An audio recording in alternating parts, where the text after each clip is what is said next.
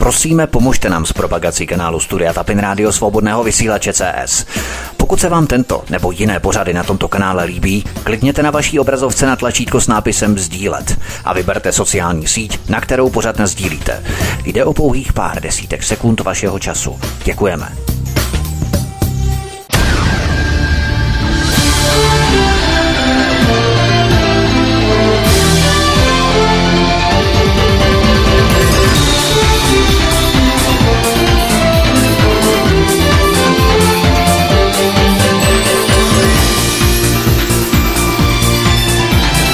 Příjemný, krásný, dobrý večer, dámy a pánové. Od mikrofonu svobodného vysílače a nebo na kanále Odyssey vás zdraví vítek. Vítejte při poslechu pořadu Ztracená města v Amazonii.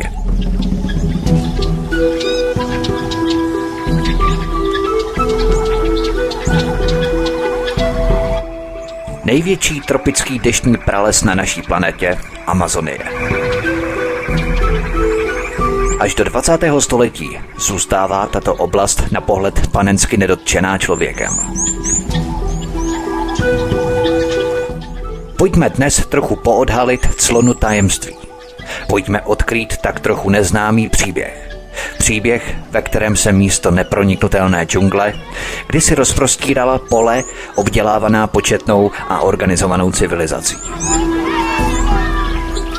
Z nových objevů vyplývá, že pověsti o ztracených městech, jako třeba o bájném městu Z, Eldorádu, se zakládají na pravdě.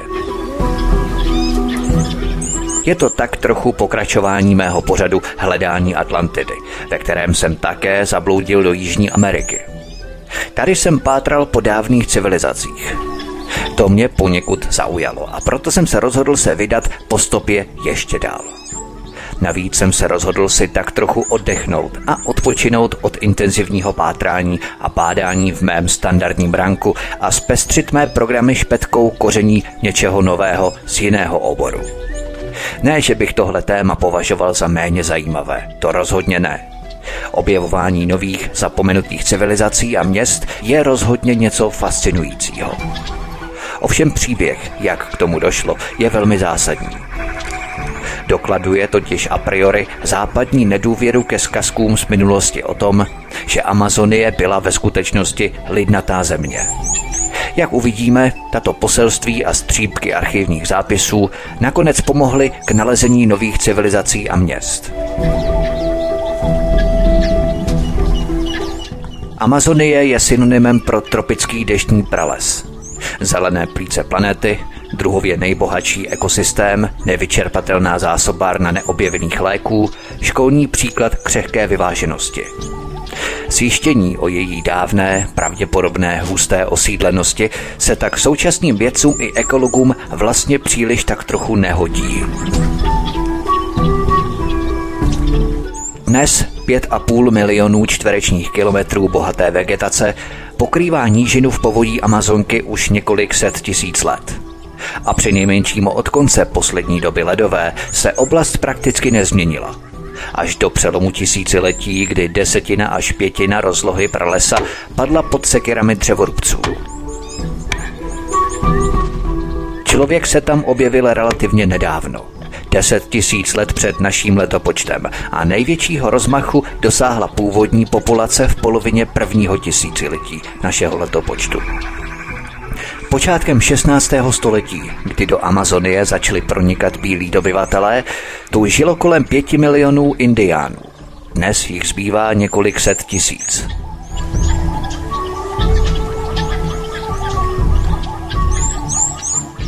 V posledních letech se ale objevují důkazy o tom, že Amazonie vždycky nevypadala jako neprostupný prales umožňující jen velmi řídké zalidnění na vývojově primitivní úrovni.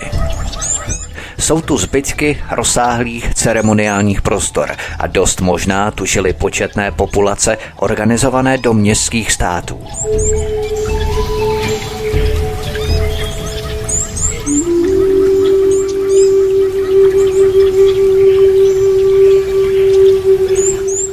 Francisco de Orellana a Gaspar de Carvajal 1542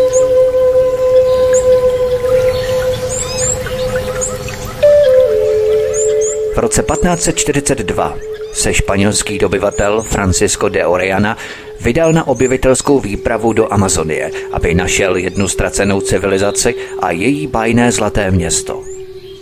Zvěsti o tomto pohádkovém městě se šířily od začátku 16. století, kdy sem Španělé přijeli. Ale členové výpravy netušili, kde jej mají hledat. Pátrání nakonec vyústilo v tragédii. Už po osmi měsících byla polovina původních členů výpravy mrtvá. Zbytek hladověl a podléhal různým nemocem. Kapitán Orejana se nabídl, že se s předsunutou skupinou pokusí najít potravu po řece. Asi 60 konkistádorů a hrstka otroků nasedli do jediné lodě. Zbytek zůstal uvíznutý a ztracený v džungli.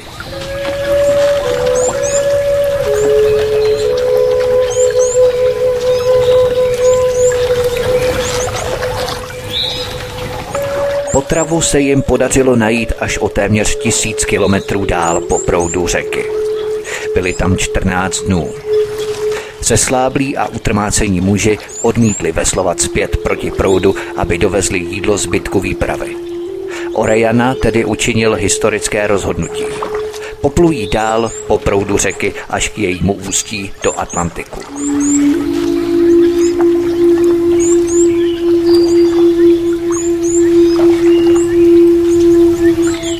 Španělský kapitán Orejana nemohl tušit, že je od Atlantiku dělilo ještě pět tisíc kilometrů a že jim to zabere osm měsíců plných strádání a útrap. Ale na této neplánované cestě učinil Orejana podle svého tvrzení jeden z největších objevů v dějinách že totiž Amazony obývala vyspělá civilizace žijící ve velkých městech obehnaných zdí, která obhospodařuje džungli jako zemědělský statek.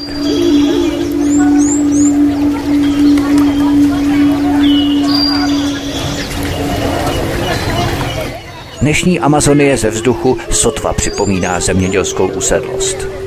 Toto rozlehlé zátopové území, porostlé hustou džunglí, má rozlohu kontinentálních spojených států. Jeho říční soustava představuje jednu pětinu sladkovodních zásob na světě a žije v ní více než třetina všech známých živočišných druhů. Nenese ale žádné patrné známky někdejšího lidského osídlení. Až donedávna převládal vědecký názor, že záplavy jsou tak ničivé a půda tak neúrodná, že se tady větší populace neměla šanci uživit.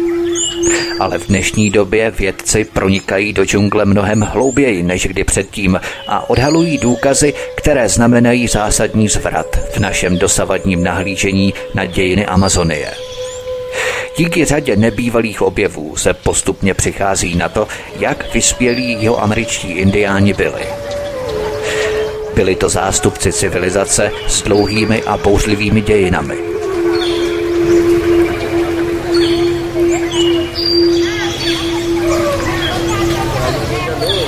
Jedna ze základních otázek amazonské archeologie zní, Může v prostředí tropického rovníku žít a přežít větší množství lidí?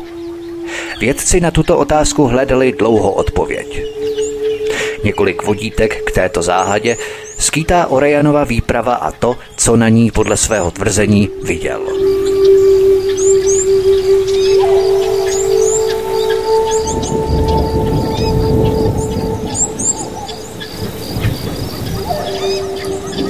Podrobnosti celého neuvěřitelného příběhu by nám zůstaly navždycky utajené, nebýt písemného svědectví jednoho dominikánského kněze, který byl členem Arajanovy výpravy. Páter Kaspar de Carvajal si během plavby po Amazonce vedl deník, cituji. Na nový rok, léta páně 1542, zaslechli mý druhové indiánské bubny. Kapitán Orejana nařídil, aby se muži chopili mušket a kuší.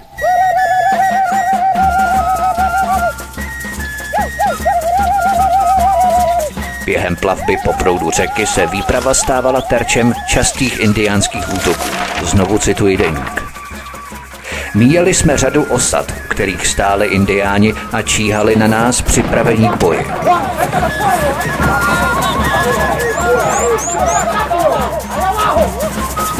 Páter Gaspar de Carvajal tvrdil, že v několika bitvách museli čelit tisícovým armádám, cituji.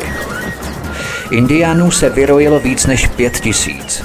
Silných, ozbrojených a bojovně naladěných. Všude tam, kde jich byly velké počty, utvořili zeď a my je kosili palnými zbraněmi.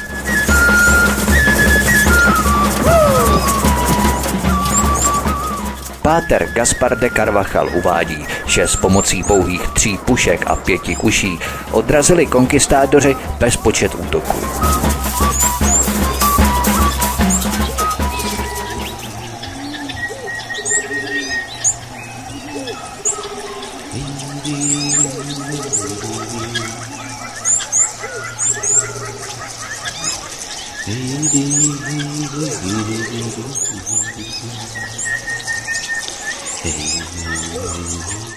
Zatímco srážky z Indiány vědce vůbec nepřekvapovaly, velké počty kmenových armád jim přesto připadaly nevěrohodné. Kromě popisů bitev obsahuje deník kněze podrobné pasáže o lidech a zvicích početné domorodé civilizace. Cituji. Podnebí je zde mírné a krajina tuze úrodná. Jsou to lidé s vysoce vyspělými mravy a obyčeji.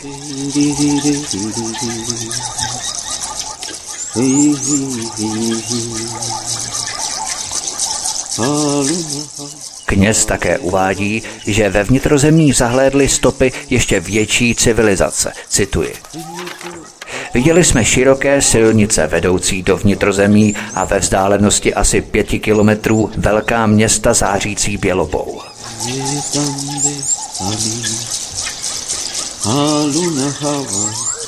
Na toto tvrzení se názory vědců různí.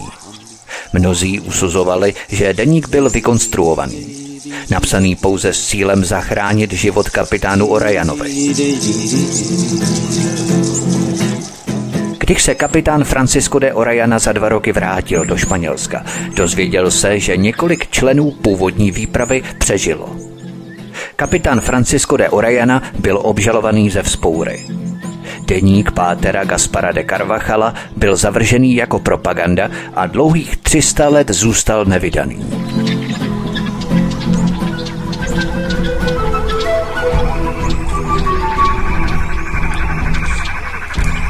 Úrodná půda Terra Preta.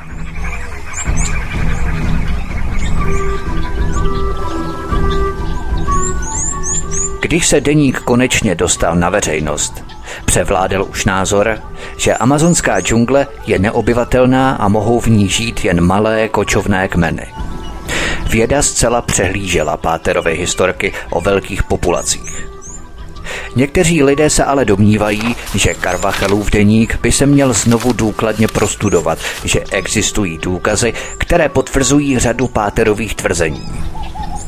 Jeden vědecký výzkum se proto v pádání zaměřil na oblast kolem města Manaus, metropole rozlehlého státu Amazonas. Všude kolem jsou totiž rozeseté zbytky prastaré kultury. Když se rozhlédneme po jednom takovém nalezišti, všude kolem uvidíme úlomky kameniny. Pro archeology jsou úlomky keramiky jasným znamením lidského osídlení. Keramika badatelům poskytuje důležitá vodítka k rozluštění záhady, kdo tady žil a kdy. Tato oblast už byla osídlená s přestávkami už více než 500 let před naším letopočtem. Od doby předkřesťanské až po příchod Evropanů na začátku 16. století. Můžeme odhadnout, že v roce 1542, kdy kolem plul Francisco de Orellana, žilo v této osadě Manaus na tisíc lidí.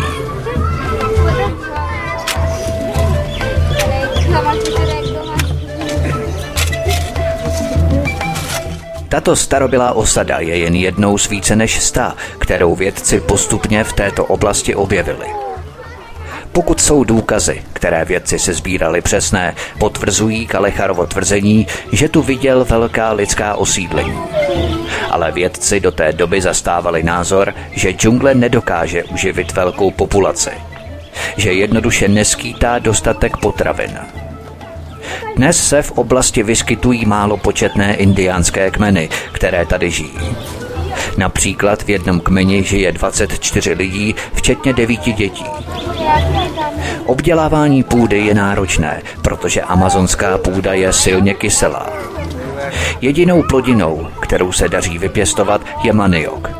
Základní potravina Amazonie, která je ale chudá na řadu základních živin. Pro doplnění stravy musí proto lidé lovit. Ryby chytají tradiční metodou, luky a šípy. V lese loví menší zvěř, například pásovce. Takové lovení je velmi pracnou metodou, jak uživit byt jen malou hrstku lidí.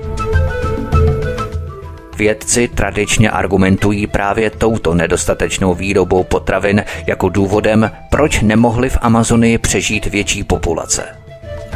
Ale někteří archeologové jsou jiného názoru. Z jejich důkazů vyplývá, že tady po tisíciletí žila velká lidská sídla –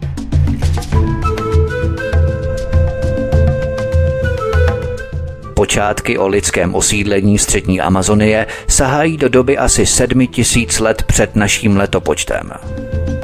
Hustě osídlená oblast byla zejména asi 500 let před naším letopočtem až do příchodu Evropanů. Tyto důkazy se shodují s tvrzeními kapitána Francisco de Orellana a pátera Gaspara de Carvajala, co v oblasti zažili a viděli v roce 1542, cituji z jeho deníku. Spatřili jsme velká sídla s mnoha obyvateli. Pluli jsme kolem rozlehlé rušné osady, která se táhla v délce 8 kilometrů.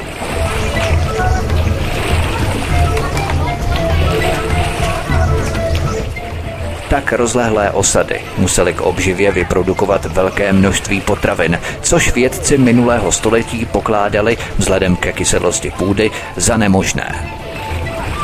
Gaspar de Carvajal uváděl, že během plavby dlouhé 5000 kilometrů posádka lodi často hladověla. Ale na mnoha úsecích kněz podrobně líčil, jak si pochutnávali na opulentních hostinách, cituji. Kapitán Orejana svolal všechny náčelníky. Druhý den přišli s nákladem jídla. Když se indiáni nechtěli o jídlo podělit dobrovolně, konkistadoři se nerozpakovali sáhnout k násilí, cituji. Konkistadoři bojovali tak urputně, až indiány zahnali na útěk. Osada nám byla vydaná na pospas se vším jídlem, které jsme našli.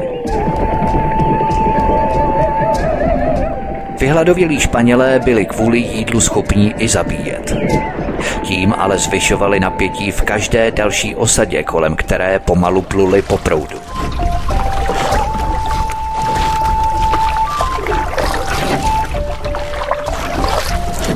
Většina zkostnatělých vědců byla přesvědčená o tom, že Karvachalovo líčení v hojnosti potravin bylo pouhou smyšlenkou.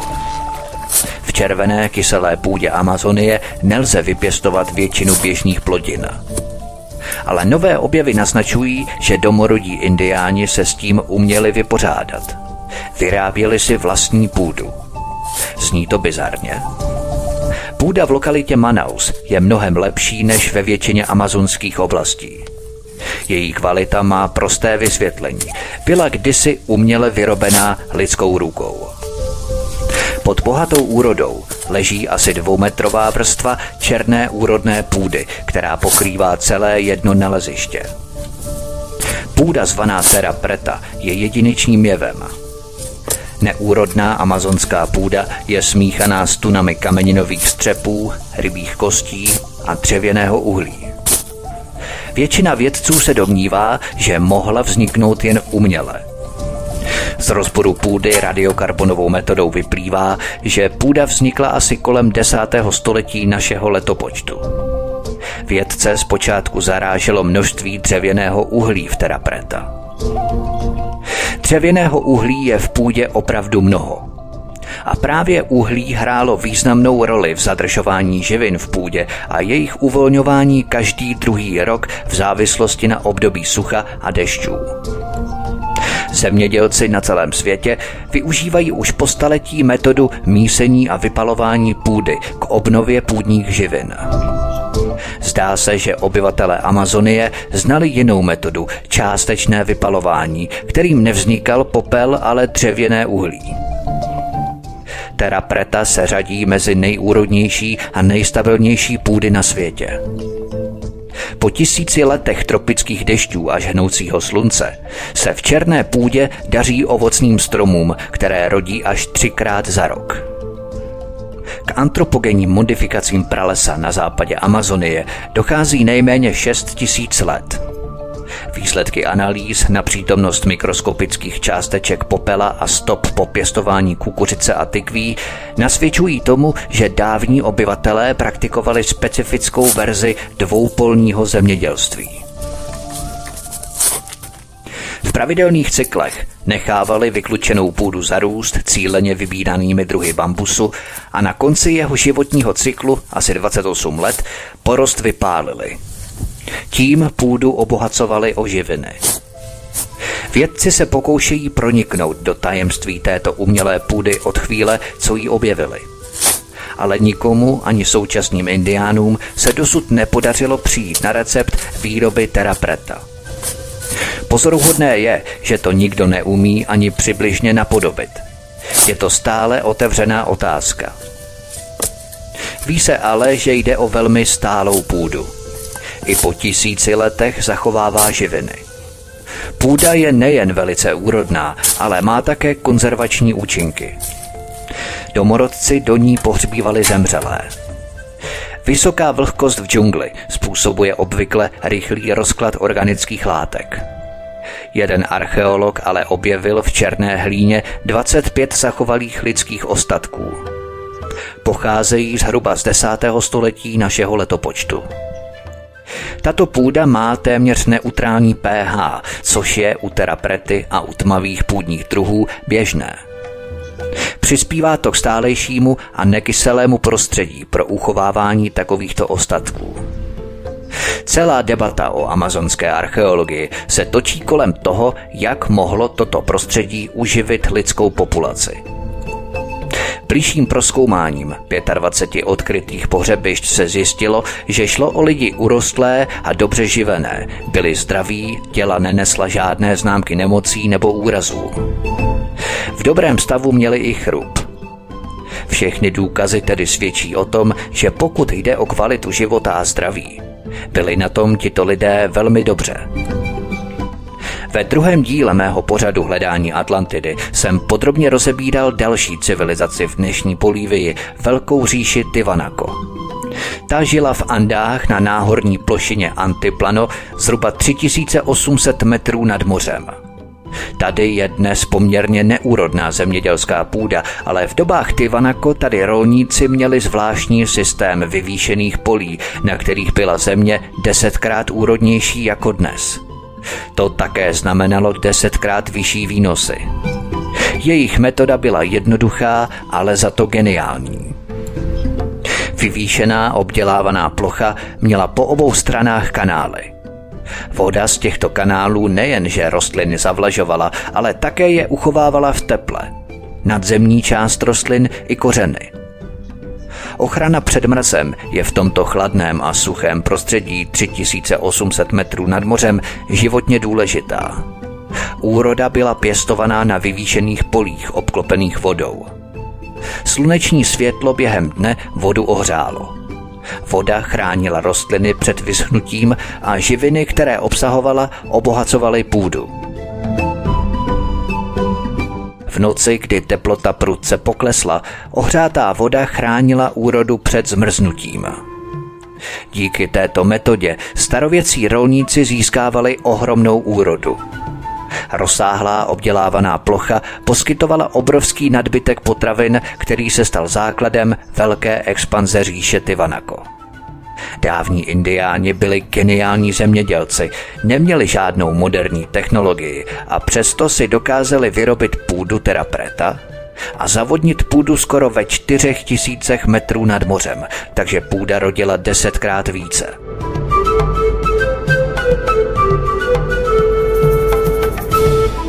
Keramické střepy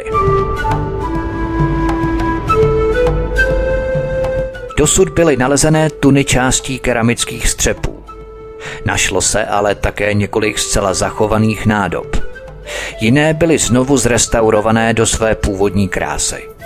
Už na první pohled je zřejmé, že jde o velmi vyspělé hrnčířské umění a řemeslnou práci. Můžeme s jistotou tvrdit, že ten, kdo tyto nádoby vyrobil, vložil do práce spoustu času a energie. Několik předmětů nalezených poblíž delty Amazonky představuje doslova mistrovská díla. Páter Gaspar de Carvajal popisoval, že v roce 1542 zahlédl krásné keramické nádoby. Cituji. Bylo tam hodně překrásných velkých nádob a amfor, jaké se hned tak nevidí. Ani porcelán z Malagy se jim nevyrovná.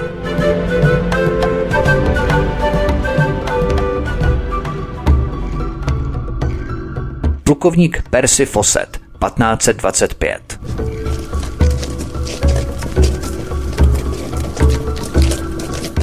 Ale co máme soudit o Páterově tvrzení o ještě větších civilizacích ve vnitrozemí? Nedozírné prostory Amazonie zůstávaly až do nedávna neproskoumané. Zvěsti o ztracených městech hluboko v džungli přetrvávaly až do 20. století. V roce 1925 vedl britský průzkumník plukovník Percy Fawcett výpravu do neprobádané oblasti brazilské Amazonie. Chtěl nalézt ztracené město, které označoval písmenem Z. Představoval si je jako Atlantidu. Bájné kamenné město poničené zemětřesením. Cituji.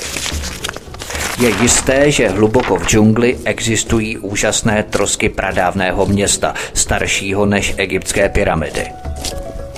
Jen 14 let předtím bylo vysoko v Andách nad Amazonií objevené bájné ztracené město Machu Picchu. Pověsti o ztracených městech hluboko v džungli, jaká popisoval například Orejana, přitahovala Persiho Foseta.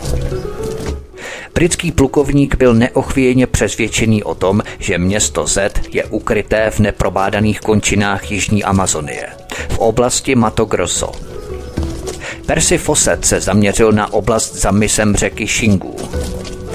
Aby se jich domorodci nebáli, cestoval plukovník jen s malou družinou, ve které byl i jeho syn Jack a Jackův kamarád Rally Rimmel. Cituji z archivního záznamu. K Čekově velké radosti jsme tu narazili na první skupinu indiánů. Nahých divochů z kmene Šinku. Zpočátku neobjevili nic, co by svědčilo o nějaké civilizaci ve vnitrozemí, kterou zahlédl kapitán Orejana.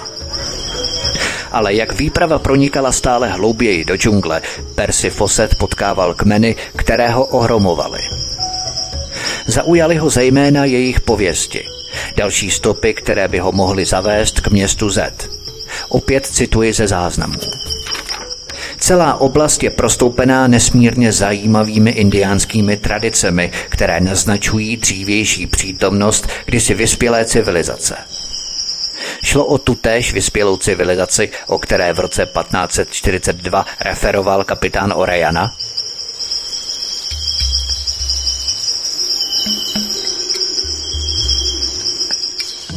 Kujkurové byli údajně jedním z posledních kmenů, které viděli plukovníka Foseta živého. Byl to největší kmen etnické skupiny Šingů. V Brazílii existuje park, který je posledním útočištěm indiánů. Tato chráněná oblast má rozlohu 26 tisíc kilometrů čtverečních a žijí v ní asi 4 tisíce indiánů ze 14 kmenů život daleko od Amazonky a evropského vlivu. Právě tento život lidem umožnil udržet své území a zachovat tradice dávných předků. Náčelník vesnice Afukaka vysvětluje, co jeho kmen ví o vysokém britském plukovníkovi Percy Fawcettovi, cituji. Vypráví se o něm toto. Kdysi se v této oblasti pohybovala skupina bělochů. Bylo jich pět nebo šest. Vedl je nějaký plukovník. Když se běloši objevili, všichni uprchli do džungle. Ale plukovník mluvil laskavě a nesl dary, na rozdíl od bělochů před ním, kteří sem přišli zabíjet. Plukovník přišel v míru a předal dary lidem kmene Kalapalo.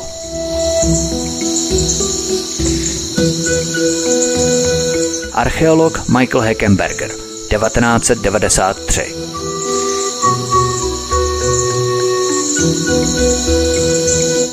Přímé vazby na minulost kmene Kujkurů přivedli do oblasti archeologa profesora Michaela Heckenbergera z Floridské univerzity.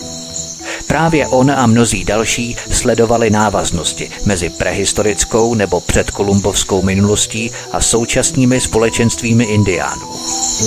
Archeolog Michael Heckenberger sem poprvé přijel v roce 1993 a od té doby pozoruje kmen Kujkurů a zkoumá jejich minulost.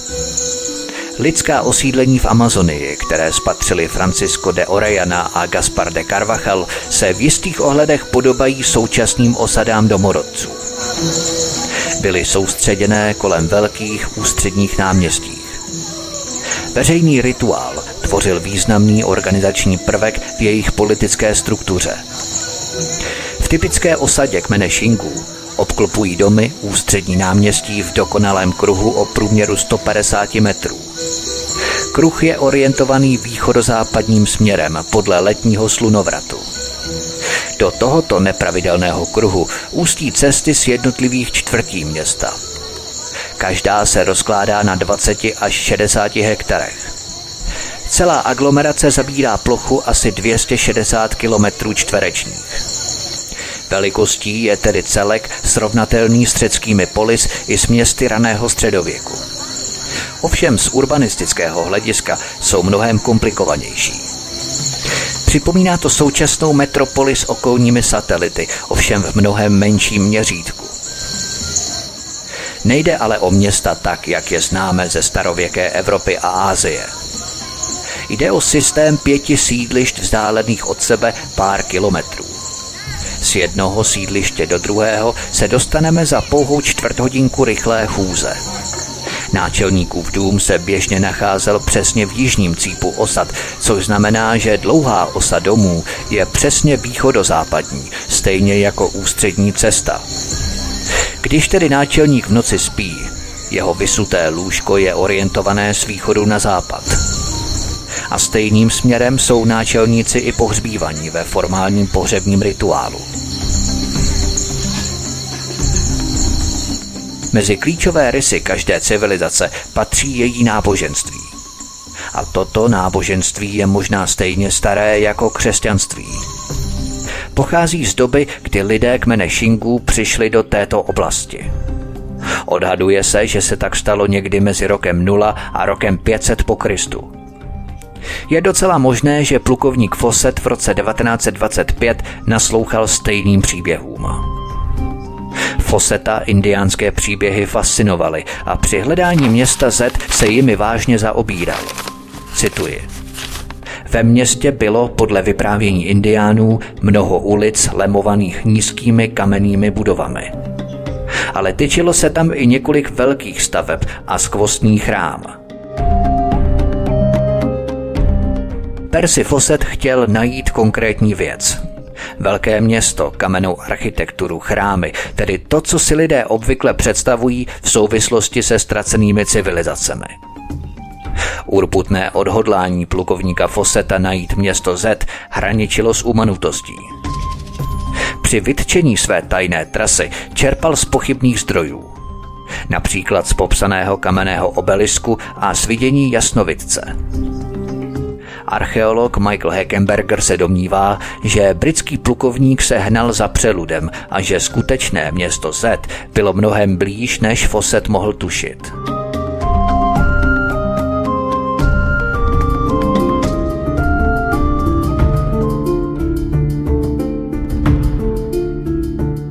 Revoluční objev 1993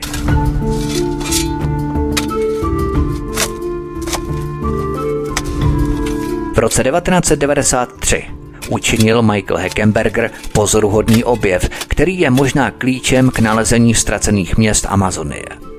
Jednou ho přivedli k velkému příkopu asi kilometr od osady Kujkurů. Střepy kameniny v půdě potvrzovaly, že příkop je umělý.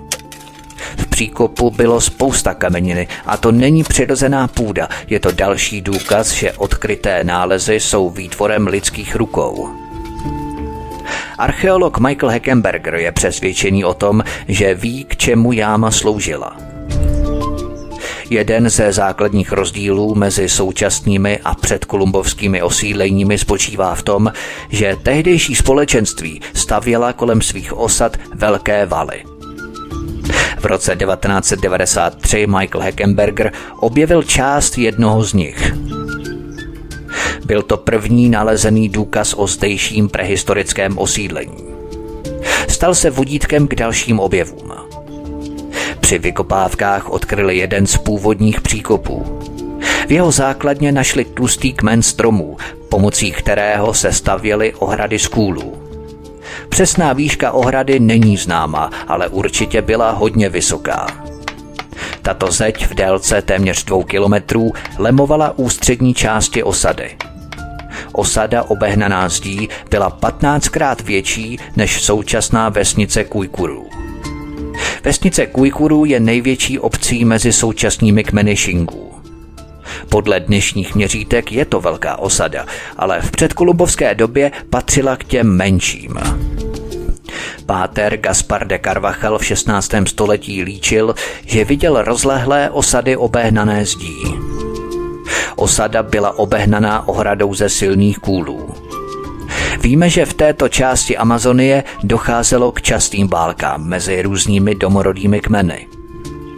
Tedy jednou zřejmou funkcí byla obrana.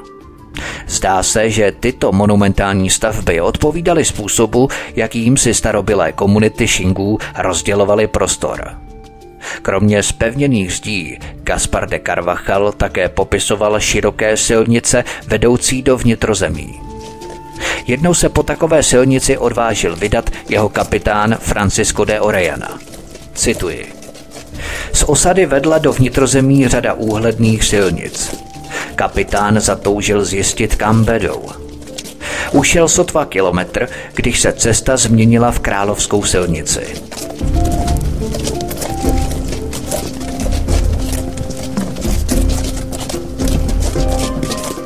Myšlenka královské silnice v džungli je dost nepravděpodobná. Ale i dnešní kujkurové se holedbají výborně udržovanou a rovnou silnicí širokou tři pruhy. Tyto silnice byly předimenzované kvůli rituální okázalosti, aby vznikl monumentální účinek pro významné obřady. Zdá se, že tato silnice, která tvoří formální vstup do osady a je orientovaná východozápadním směrem, nikam nevede. Ale když se po ní vydáme dál, zjistíme, že je spojnicí s jinými indiánskými osadami. V předkolumbovské době v 15. století, když byla oblast posetá mnoha osadami, stačilo ujít 3-4 kilometry z jedné osady a došlo se rovnou do další. Carvachalův popis byl tedy opět přesný a dává zapravdu stále rozšířenějšímu názoru, že jeho deník byl neprávem opomíjený. Existence ztracených kamenných měst v Amazonii se náhle zdála pravděpodobná. Převratný objev povodí Shingu se ve své době nesetkal s odpovídající publicitou. Dodnes se urbanistickou úrovní dávných amazonských civilizací zabývá jen hrstka vědců a širší veřejnost o nich neví. Stejně jako o objevu v roce 2010, kdy se archeologům díky leteckým průzkumům a záběrům z družice podařilo najít stopy po městské civilizaci, která mohla být domovem až 60 tisíců obyvatel. Se zhora vypadají nalezené stavby jako geometrické obrazce podobající se útvarům v peruánské nasce. Na zemi ale jde o zbytky silnic, příkopů, mostů a náměstí. Neznámá civilizace je vybudovala mezi rokem 200 a 1283 našeho letopočtu. Objevené byly už v roce 1999, ale teprve rozvoj satelitního mapování Země však umožnil vědcům, aby je přesně lokalizovali. Zatím archeologové nalezli zbytky 200 staveb. Jedná se tak o další důkaz toho, že v amazonském pralese existovaly rozsáhlé civilizace a že místní půda není tak neproduktivní, aby mohla velká města uživit přesně jak jsem o tom hovořil.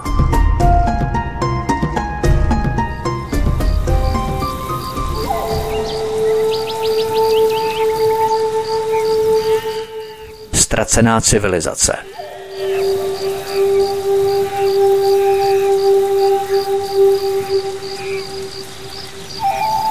Plukovník Percy Fawcett byl také přesvědčený o tom, že hluboko ve vnitrozemí žije ztracená civilizace. Jeho přesnou trasu neznáme. Plukovník ji držel v tajnosti, aby ho nikdo nemohl sledovat. Cituji. Kdybychom se nevrátili, nepřeji si, aby se za námi vydali záchrané čety. Je to riskantní.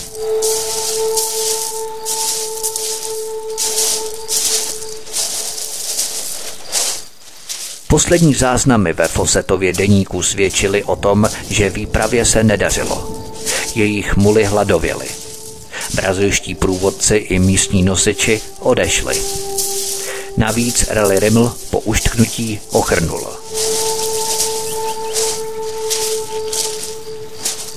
Malá výprava pod vedením Percyho Foseta pronikala stále dál do vnitrozemí hnaná plukovníkovou posedlou touhou objevit starověké kamenné město. Cituji. Když budou tato prastará města nalezená a otevřená vědeckému bádání, možná najdeme odpověď na záhadu starověké Jižní Ameriky. Že ta města existují vím jistě –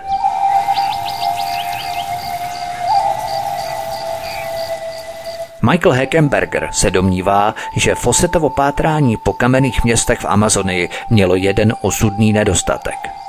Nejsou tu kameny. Civilizace musí pracovat s materiály, které má k dispozici a v této části Amazonie je kámen, který by se dal použít jako zdivo velmi vzácný.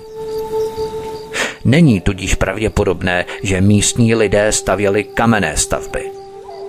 Percy Fawcett v Amazonii hledal kamenné stavby, kamenné chrámy, dlážděné ulice, abecední písmo. Nečekal, že by objevil jiné typy městských civilizací.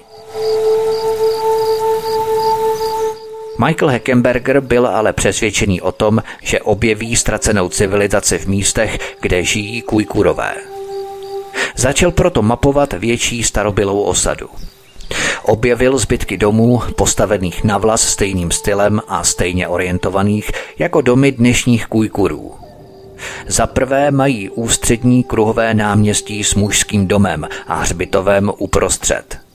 A mají také formální silnici, která vede do osady východozápadním směrem – na předcích Kujkurů nebo Šingů na předkolumbovských osadách je fascinující zejména tento systém orientování podle východozápadní osy celé oblasti. Tato osada tedy byla propojená s dalšími osadami podle stejné východozápadní nebo severojižní osy. Se stále širším záběrem průzkumu odhaloval Michael Heckenberger pozoruhodný vzorec – Nalézal důkazy o rozlehlé, vzájemně propojené civilizaci, která tu žila celá tisíciletí. Ale pokud má Michael Heckenberger pravdu, kam se tato ztracená civilizace poděla? Michael Heckenberger dál mapoval starověká města v celé oblasti Shingů. Když měli zmapované osady v celé oblasti, zjistili, že do sebe zapadají, že jsou propojené a že stejný vzorec osídlení se rozkládá po celé horní kotlině. Síť prehistorických osad se rozkládá na území o rozleze Belgie. Tato forma osídlení se dá definovat jako městská aglomerace. V jistém smyslu připomínají tato starověká kujkurská města nebo složitá schémata osídlení spíše Los Angeles než město New York. New York má jasně vymezené jádro, které je orientované souvisle. U Los Angeles se dá jen těžko určit, kde je jádro. Je to několik vzájemně propojených osídlení s mnohočetnými centry. Právě tak vypadalo osídlení starověkých kujkurů. Byla to sídla s mnoha centry. Měl páter Gaspar de Carvajal na mysli právě tato rozlehlá propojená centra, když psal o městech.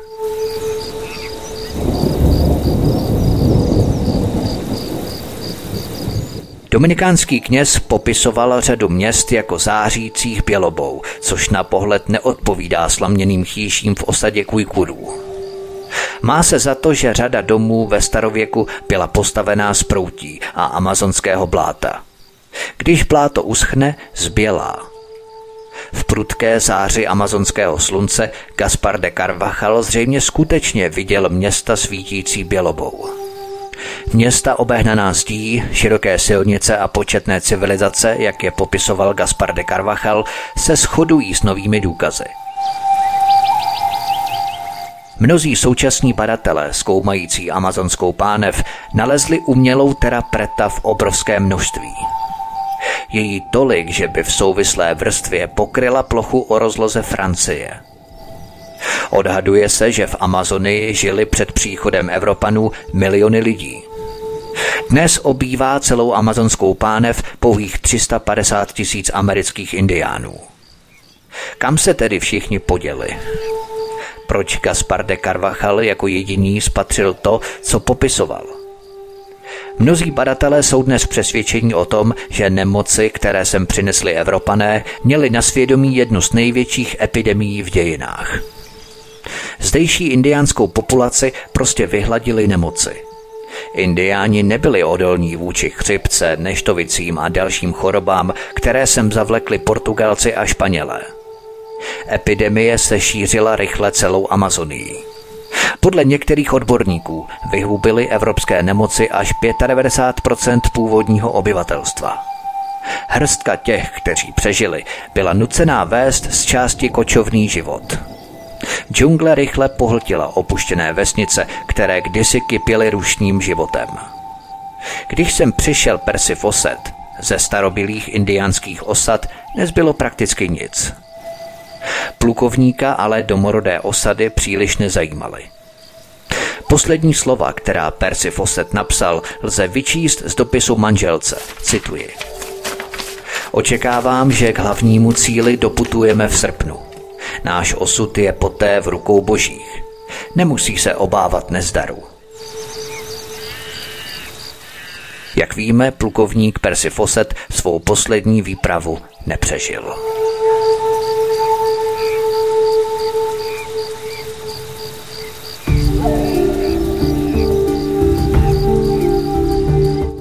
Kácení pralesů.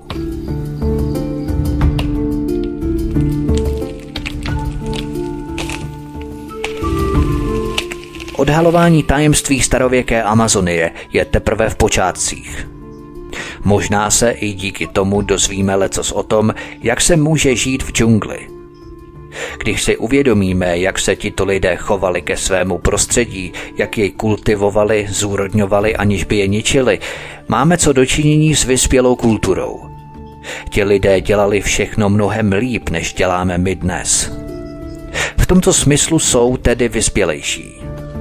Vědci se intenzivně pokoušejí objevit neznámý recept na výrobu teriprety, černé a úrodné půdy – tato půda by se totiž dala využít v rozsáhlých neúrodných oblastech na celém světě místo geneticky modifikovaných osiv.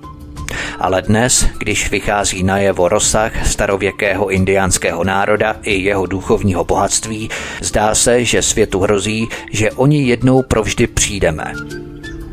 V 60. letech 20. století začalo s masovým pronikáním bílých rolníků do pralesa i plošné odlesňování. Do konce 20. století padlo na půl milionu kilometrů čtverečních pralesa za oběť pastvinám a sojovým plantážím. S novým stoletím se tempo kácení a vypalování ještě zvýšilo.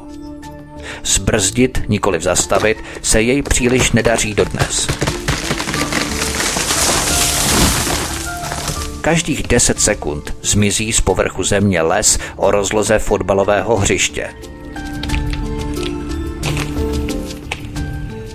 Zemědělství, které jej nahrazuje, není udržitelné. Lesní půda není kvalitní. Odlesňování a chov dobytka proto mohou vést k záhubě. Krátkodobě to může vynést nějaké peníze za dřevo i za dobytek, ale po jisté době půda už neudrží ani pastviny, pokud se uměle neobohacuje živinami, což je velmi nákladné. Také v chráněných oblastech Šingů visí budoucnost Kujkurů a dalších kmenů na vlásku. Hnojivo stéká do řek, které zelenají a hynou v nich ryby. Celý přirozený ekologický systém je v ohrožení. postihuje to počet ryb v řece. Zbývá už jenom jedna čistá řeka a i ta je ohrožená, pokud kujkurové nebudou moci odkoupit pozemky kolem pramenů. Pokud si kujkurové nebudou moci koupit půdu, nepřežije tak jeden vzácný vyspělý národ se všemi tradicemi dalších tisíc let. Kujkurové si na jedné straně zachovávají dávné tradice, současně se ale neuzavírají před moderní společností. Jejich stále živé legendy o předcích žijících ve městech pomohly archeologům objevit tato dávná sídliště. Je tedy jasné, že v amazonské džungli kvetly v předkolumbovských dobách civilizace vyspělejší, než jaké se tam vyskytují několik posledních století. Ať tak či tak, Představa relativně hustě zalidněné Amazonie, jejíž obyvatelé přizpůsobují svým potřebám rozsáhlé oblasti tropické přírody, jak si nekoresponduje s úsilím odborníků celé řady vědních oborů o záchranu dnes již unikátní největší souvislé plochy tropického deštného pralesa. Neodpovídá tezi o křehkosti plic planety ani o ničím nerušené laboratoři biodiverzity. Tato odhalení zcela mění naše představy o tom, jak skutečně vypadala Jižní Amerika před příjezdem Krištofa Kolumba. Stovky let si archeologové mysleli, že je džungle místem, kde žijí pouze primitivní kmeny. Všechny tyto objevy ale dokazují, že Amazonie byla domovem velké civilizace, která předcházela říši Inků.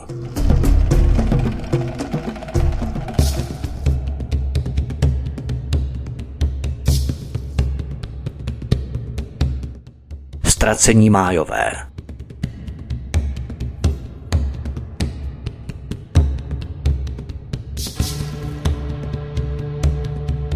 Jednou z civilizací, která už je na dobro ztracená, jsou májové. Po více jak tisíc let vládli nad džunglemi Střední Ameriky májští králové – v době, kdy v Evropě začínal středověk, měli májové své velké architekty, umělce a matematiky. A pak, evidentně na vrcholu svých sil, opustili svá města a zmizeli. Co se s máji stalo, je jedním z největších tajemství historie –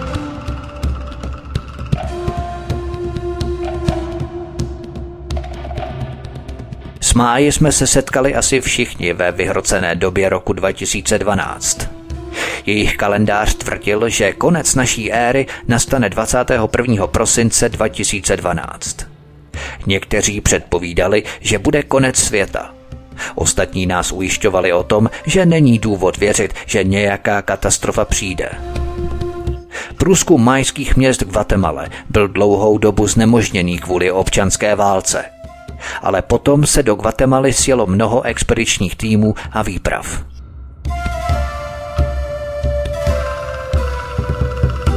V džungli středoamerické Guatemaly se podařilo najít rozsáhlou síť pozůstatků májských měst. Vědci odkryli přes 60 tisíc ruin pocházejících z období říše májů.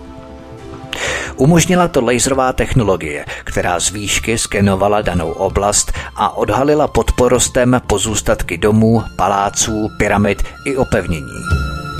Jednalo se o technologii laserového skenování LIDAR, tedy Light Detection and Ranging.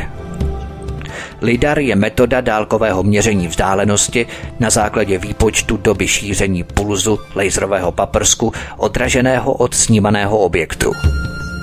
LIDAR lze použít pro měření vzdálenosti, mapování terénů nebo měření vlastností atmosférických jevů. Výsledkem tohoto mapování je mračno bodů, které se po zpracování může interpolovat do podoby digitálního modelu povrchu nebo 3D modelů budov a jiných objektů. Po aplikaci filtrů je možné s mračna bodů získat digitální model terénu. Skupina vědců použila lidar k digitálnímu odstranění hustého stromového baldachínu a vytvořili 3D mapu toho, co se nachází uvnitř dnes již neobývaného pralesa. Archeologové tvrdí, že je to největším úspěchem za posledních 150 let. Ve střední Americe žila civilizace, která byla podobná vyspělým kulturám starověkého Řecka nebo Číny.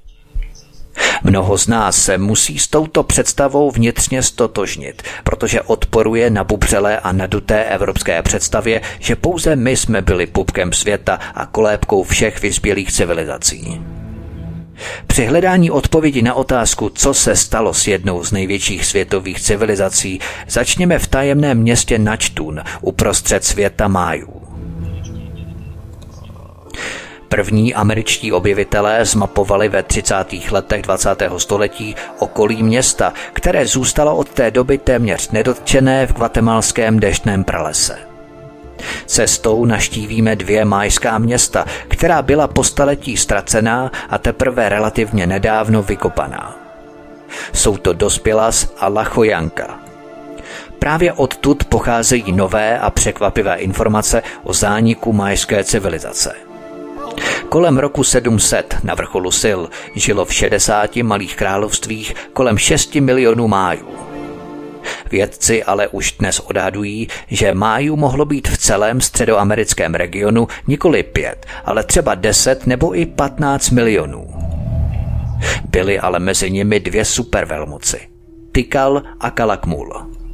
S kamennými nástroji, bez znalosti kola a bez tažných zvířat, dokázali májové postavit ohromné pyramidy, velká města a vytvořit úžasná umělecká díla.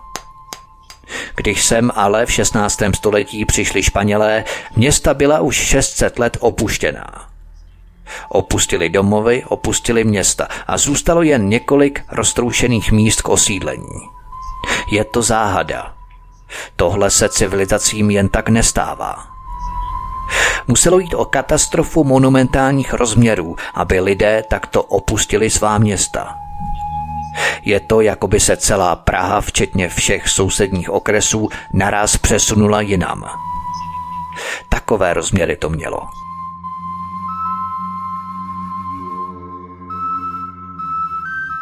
Většina teorií vysvětlovala až do nedávna kolaps májů obdobím dvousetletého sucha, které tu udeřilo kolem roku 810 a způsobilo obrovský pokles populace.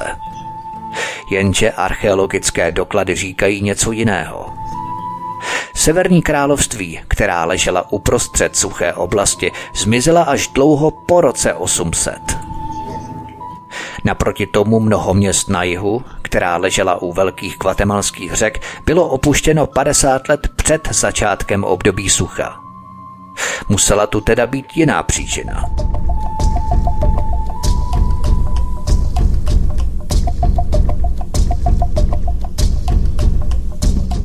První vodítko možná leží na jihu do Spilas, jednom z prvních měst, která byla opuštěná. Všechno, co dnes zbylo, jsou jen kopečky, které zakrývají velké pohřební pyramidy tehdejších vládců. V roce 700 našeho letopočtu stály tyto pyramidy nad posvátným náměstím. Kolem stály královské paláce a další chrámy, všechno v tradiční červené barvě a celek tvořil typickou strukturu prosperujícího májského městského centra. Když tu ale začali archeologové kopat, našli něco neočekávaného. Zbytky obrané zdi postavené z kamenů z rozebraných pyramid a malou vesnici uprostřed kdysi posvátného náměstí. Není to dlouho, co se u základů jedné pyramidy města do Spilas podařilo najít vodítko k tomu, co se tu vlastně stalo. Čirou náhodou bouře porazila mohutný strom – pod jeho kořeny se našlo unikátní tesané schodiště s majským písmem, které kdysi vedlo na vrchol Velké pyramidy. Hieroglyfy na schodech poskytují unikátní pohled do majského světa. Popisují průběh bitev, pro následování, útoků a dobývání měst zpět. Podobně jako egyptiané zaznamenávali májové svou historii do kamene, který měli kolem sebe – většinou do vysokých monumentů zvaných stély. Vědci se pokoušeli o rozluštění složitých nápisů více jak 100 let. Podařilo se to teprve relativně nedávno. Majské písmo má 800 jednotlivých znaků, které reprezentují slova nebo slabiky. Je to nejpokročilejší systém v předkolumbovské Americe. Stély se vstyčovaly obvykle po 20 letech a zaznamenávaly se na ně nejdůležitější události uplynulé doby.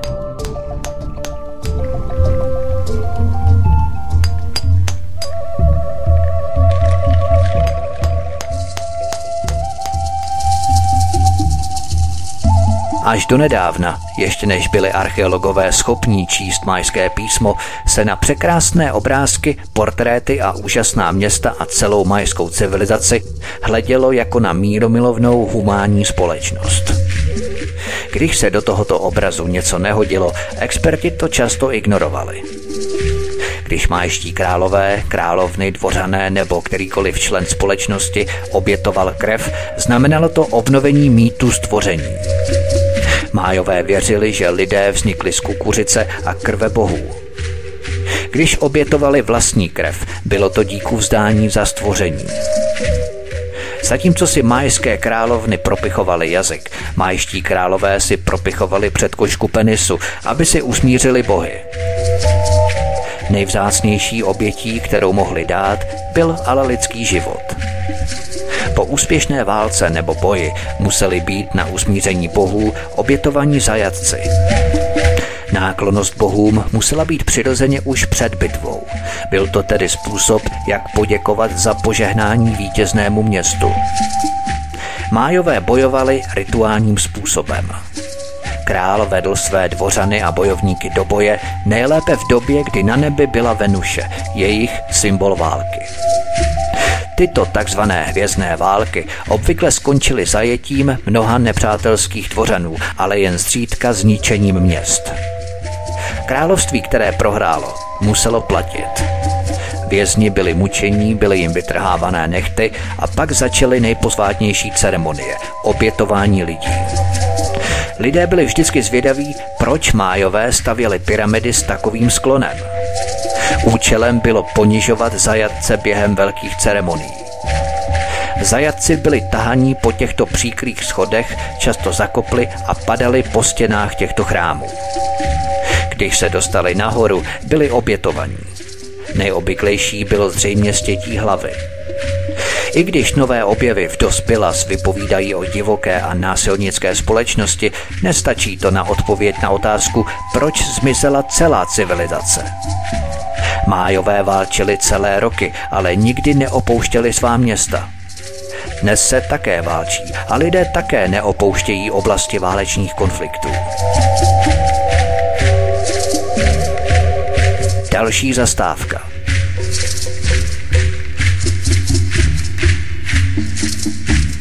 Od města Dos Pilas směřujeme na sever do města Lachojanka. Právě sem se totiž stáhl vládce z Dos Pilas.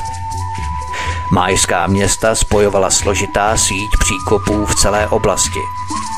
Vyvýšené dálnice, které umožňovaly snadný průchod i během období dešťů, byly natolik široké, že se zřejmě využívaly k obchodování. Právě tady se našla další obraná zeď kolem paláců šlechty.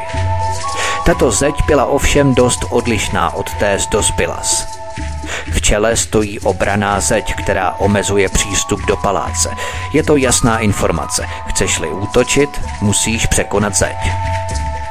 Zeď byla velmi vysoká. Nahoře byly dřevěné palisády. Způsob provedení odpovídá době, kdy se sem dostal král z Dospilas. V Dospilas se našly obrané zdi z rozebraných pyramid. Tady to byl pravděpodobně zoufalý pokus posledních obyvatel bránit se. Ale v Lachojance nešlo o obranu městského centra. Tady se každý pokoušel bránit se sám. Paláce měly původně čtyři vchody v jednotlivých rozích. Pak se začaly dva vchody uzavírat a dva obvykle na východ nebo na sever zůstávaly otevřené. Nakonec bylo všechno obehnané zdmi tomto paláci se také našly zbytky zdemolovaného královského trůnu a vedle byla lidská kostra. Zničení trůnu je hluboká symbolika. Trůn je místem reprezentace moci. Zničení trůnu znamená zničení moci. Autorita krále byla pryč. V centru města Lachojanka archeologové našli pozůstatky po jeho obyvatelích. Byly to zbytky rolnických chýší z počátku 9. století našeho letopočtu. Možná, že v době napadení do Spilas se situace stávala tak nebezpečnou, že lidé raději opustili město. Je tu ale problém. Veškeré důkazy, že násilí bylo hlavní příčinou zhroucení, pocházely jen z několika málo měst na západě majského světa.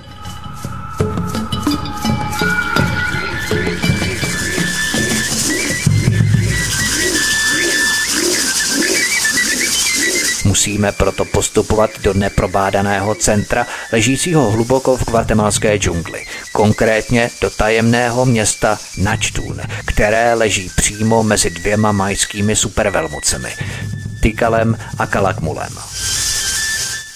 Přežití Načtúnu mezi dvěma velmocemi záviselo hlavně na diplomatické dovednosti. V oblasti leží spousta bažin – Májové bažiny vysušovaly v džungli pro políčka a města zakládaly poblíž nich. A právě zde se nachází město Načtún. Toto místo poprvé naštívili američtí objevitelé ve 30. letech 20. století. Ovšem tehdy ještě neuměli číst majské písmo. Majskému kalendáři ale rozuměli. Ve městě stojí královský chrám – Celé je to masivní struktura. Navíc je tu kompletní stojící zdivo, které se v deštném pralese hned tak nevidí. Stojí tu dokonce i obvodová vazba. Na zdivu paláce je vidět spousta detailů, jak byly kameny pokládané. Kameny drží stále neuvěřitelně těsně u sebe. Musíme obdivovat řemeslnou dovednost a estetickou krásu takovýchto staveb. Stavba má dvě úrovně. Její nižší část představuje základ, na kterém stojí vlastní budova. Stěny se pak zaspárovaly a obarvily. Malba možná byla světlá. Načtunský král používal tuto budovu pro královská setkání. 15 metrů vysoké zdivo neobvyklého tvaru bylo postavené, aby ohromovalo. Není pochyb, že velkým králům Tikalu a Kalatmulu se dostalo hojnosti jídla a pití. Májové všechno stavěli v dokonalých liniích, které spojovaly všechny chrámy na náměstí. Vytvořili linii, která sledovala pohyb slunce v době zimního a letního slunovratu. Obojí bylo oslavováno posvátnými obřady – Mezi Načtůnem a Tykalem panovalo silné spojenectví podle stél nalezených na místě. Ovšem na další stéle bylo objevené něco, co obsahovalo další obrat v politické historii Načtůnu v době posledních dnů království. Z těchto hieroglyfů je patrné, že se těžiště moci, tedy spojenectví Načtůnu, přeneslo na Kalakmul. To vysvětluje, proč mohl Načtún přežít tak dlouho. Můžeme politické manévry na Čtůnu chápat jako důsledek rostoucího chaosu v oblasti. V Načtůnu byly nalezené čtyři metry vysoké zdi, která obklupovala posvátné území s chrámy a obydlými šlechty. I když je tato zeď mnohem větší, má podobný tvar i stél jako zeď nalezená v Lachojance. Není pochyb, že šlo o obranou zeď. Můžeme učinit závěr, že toto místo bylo uzavřené kvůli všudy přítomnému násilí. Určitě to platí o nálezech v Lachojance. Jak se situace stávala stále nebezpečnější, tak se šlechta snažila bránit sama pomocí obraných zdí kolem vlastního majetku. To jde ruku v ruce s celkovým zhroucením mocenského systému. Tato nalezená zeď je úplně prvním archeologickým důkazem, že do Načtúnu jako srdce majského světa vtrhl před koncem jeho existence nový systém válčení. Tento důkaz vypovídá o tom, že Májové opustili tisíciletou praxi vedení války, kdy cílem bylo především získat zajatce a namísto toho začali bojovat o území. Podle data Stély k tomu došlo po rocích bojů, kdy obě supervelmoci, Tykal a Kalakmul, ztratili kontrolu nad menšími podřízenými královstvími. Nový způsob válčení se značně odlišoval od způsobu, kterým obě supervelmoci válčily do té doby. Začaly mezi sebou válčit jednotlivá království, otevřely se staré rány, nenávisti a etnické nepřátelství nabralo při válčení vrch. Při takto vedených válkách se objevuje obrovské množství uprchlíků. Odpovídá to tomu, co se tady stalo v 9. století našeho letopočtu. Důkazy z Dospilas, Lachojanky a také Načtůnu ukazují, že navzdory úžasným chrámům a městům plných lidí, navzdory úspěchům v umění i písemnictví, to nakonec bylo násilí, které způsobilo zánik majské civilizace. Nakonec zmizely po finálním konfliktu, který byl dovršený obdobím sucha a hladomoru. Mělo to všechny charakteristické znaky současných občanských válek. Bylo to osobní, zvrhlé a všezahrnující. Všichni válčili proti všem. Není to podobná analogie se současností.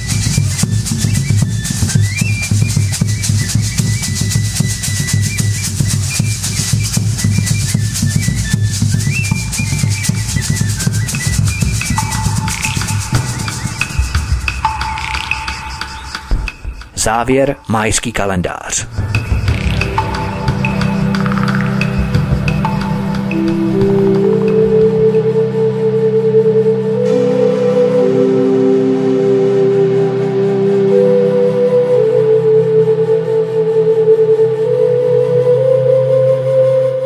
Možná přece jen bude něco pravdy na konci éry naší civilizace v roce 2012 podle majského kalendáře. Právě v roce 2011 proběhla válka proti Líbii, ve které je totální chaos, chudoba a bída dodnes. Zároveň v té době začala válka v Sýrii, která se také vleče až dodnes. V roce 2015 začala obrovská migrační krize a míchání civilizací sektářské nenávisti rivalizujících kultur a kmenů z Afriky a Ázie byly transportované do evropských vyspělých velkoměst, která se stala válčišti. Vznikají obrovská géta,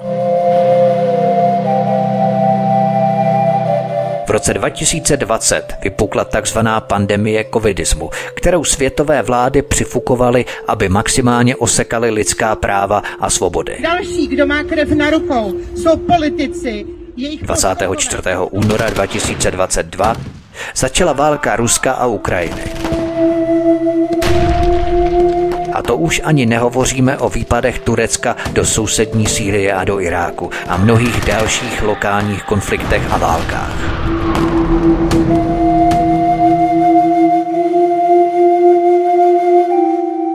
Možná jsme od 21. prosince 2012 po konci naší civilizační éry podle májského kalendáře nastoupili na jednosměrnou jízdu v sestupné trajektorii. Jízdu, která nemá návratu. Jízdu, kde každý válčí proti všem.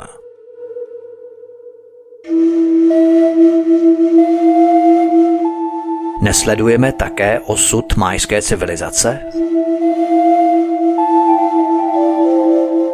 Každý z nás musí dělat všechno proto, aby tomu tak nebylo. Aby nás naše zločinecké vlády kriminálníků a gaunerů nevehnali do náruče záhuby, nenávisti a války všech proti všem. Nekonečné spirály pádu naší civilizace přesně podle májů. Naší nejlepší učitelkou je naše historie. Pokud se z ní nebudeme dostatečně učit, znovu si ji zopakujeme.